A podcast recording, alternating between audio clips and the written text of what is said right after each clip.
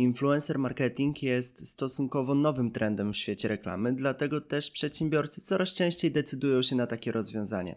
Wraz ze wzrostem zainteresowania tego typu rekomendacjami zaczęły pojawiać się jednak nieprawidłowo oznakowane treści na portalach społecznościowych. UOKiK, próbując zapobiec tego rodzaju praktykom, wydał wytyczne dotyczące oznaczania reklam przez twórców w social mediach.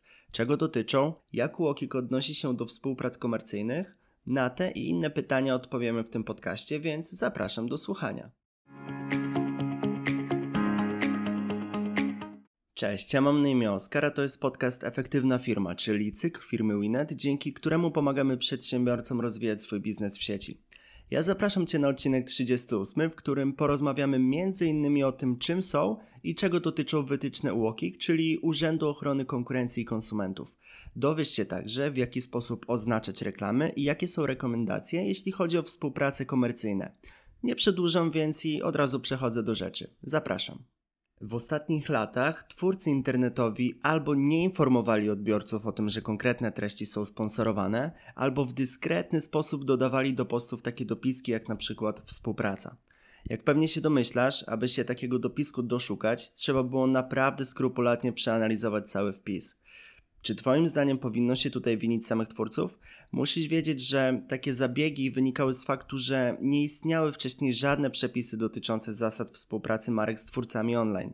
W porę jednak sprawą zajął się UOKiK. Aby zapobiec takim zjawiskom jak na przykład kryptoreklama, scam czy też wprowadzanie kupujących w błąd, Urząd Ochrony Konsumenta przygotował zestaw zaleceń określających sposób oznaczania treści reklamowych w social mediach. Jak pewnie się domyślasz, są one kierowane do influencerów i reklamodawców, ale także do agencji PR-owych i przedsiębiorców planujących tego typu promocje. Więc co znajdziemy w rekomendacjach wydanych przez prezesa UOKiK? Są tam m.in. definicje i regulacje prawne, a także instrukcje prawidłowego oznaczania reklam. Warto dodać, że zalecenia dotyczą również autopromocji i paczek PR-owych.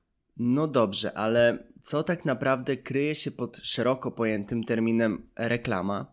W skrócie są to wszystkie materiały mające na celu promocję produktu, za które twórca otrzymał po prostu korzyść materialną lub finansową. I jak pewnie się domyślasz, współprace komercyjne mogą się od siebie różnić. Mogą być jednodniowe, a mogą być długoterminowe, mogą trwać na przykład cały rok. W grę wchodzi także sposób zawarcia umowy i forma wynagrodzenia. W przypadku tego ostatniego punktu, to poza rozliczeniem pieniężnym będą również produkty o dużej wartości, zniżki, sponsoring działalności, czy też rozliczenie w formie usługi, czy chociażby zyski z linków afiliacyjnych. Jeśli rekomendacje UOKiK-u są dla Ciebie niejasne, to nie przejmuj się. Osobiście uważam, że mogą być one na pierwszy rzut oka niezrozumiałe, dlatego zalecałbym dokładne przeanalizowanie każdej sytuacji, w której w grę wchodzi influencer marketing. Weźmy bowiem pod uwagę sytuację, gdy influencer przedpremierowo testuje produkt danej firmy. W takiej sytuacji wystarczy, że poinformują swoich obserwatorów o tym, że towar został udostępniony bezpłatnie przez konkretną firmę z koniecznością zwrotu. Teraz porozmawiamy o tym, co jest w tym wszystkim najważniejsze, czyli o tym, w jaki sposób oznaczać reklamy w social mediach. Założenie jest proste. Zarówno osoby odwiedzające kanał po raz pierwszy, jak i stali obserwatorzy influencera muszą być w stanie zauważyć oznaczenie reklamy w poście. Istotne jest także oznaczenie danej firmy, która podjęła się danej współpracy. No dobrze, więc jak to robić? Rekomendowane jest oznaczanie postu lub wpisu na przykład poprzez dodanie dopisku współpraca reklamowa w nawiasie kwadratowym lub jako hashtag.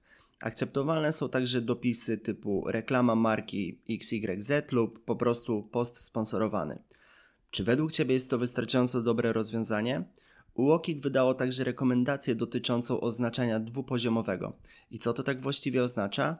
Reklamę możesz bowiem oznaczyć wykorzystując funkcję danej aplikacji, ale dodatkowo możesz to zrobić we własnym zakresie, przykład w filmach lub na grafikach. A jeśli zastanawiasz się, czego należy unikać, sprawa jest dosyć prosta. Oznaczenie materiału reklamowego nie może mieć koloru zlewającego się z tłem, nie może zostać także umieszczone w niewidocznym miejscu oraz nie powinno zawierać niejednoznacznych określeń o charakterze treści. I możliwe teraz, że zadajesz sobie pytanie, czy muszę oznaczać treść reklamową promując własne produkty? Odpowiedź brzmi tak. Wszystkie wpisy w social media, których celem jest promocja Twoich produktów, muszą zostać oznaczone jako autopromocja. Brzmi ciekawie? A to wciąż nie jest wszystko. Na formę publikacji ma również wpływ częstotliwość otrzymywania paczek PR-owych. Regularnie przyjmowane podarki od firmy mają już charakter komercyjny, o czym muszą zostać poinformowani odbiorcy profilu. Jeśli miałbym podsumować wytyczne UOKiK i dać Ci jedną radę, powiedziałbym, że najważniejsze jest to, aby jednoznacznie wskazać, że opublikowany materiał jest sponsorowany i został przygotowany na zlecenie konkretnej marki. A jeśli nie jesteś pewien, czy opublikowana przez Ciebie treść jest reklamą, to i tak lepiej ją oznacz. Mówię tak, ponieważ tak mówi właśnie złota zasada zawarta w rekomendacjach. I podsumowując, zgodzisz się chyba ze mną, że wytyczne UOKiK były bardzo potrzebne. Jako konsumenci nie chcemy być wprowadzani w błąd, a jako przedsiębiorcy chcemy mieć pewność, że robimy wszystko zgodnie z prawem. Co o tym myślisz? Przydadzą Ci się te informacje? Daj znać, a z mojej strony to już wszystko. Ja dziękuję Ci bardzo za wysłuchanie i do usłyszenia niebawem.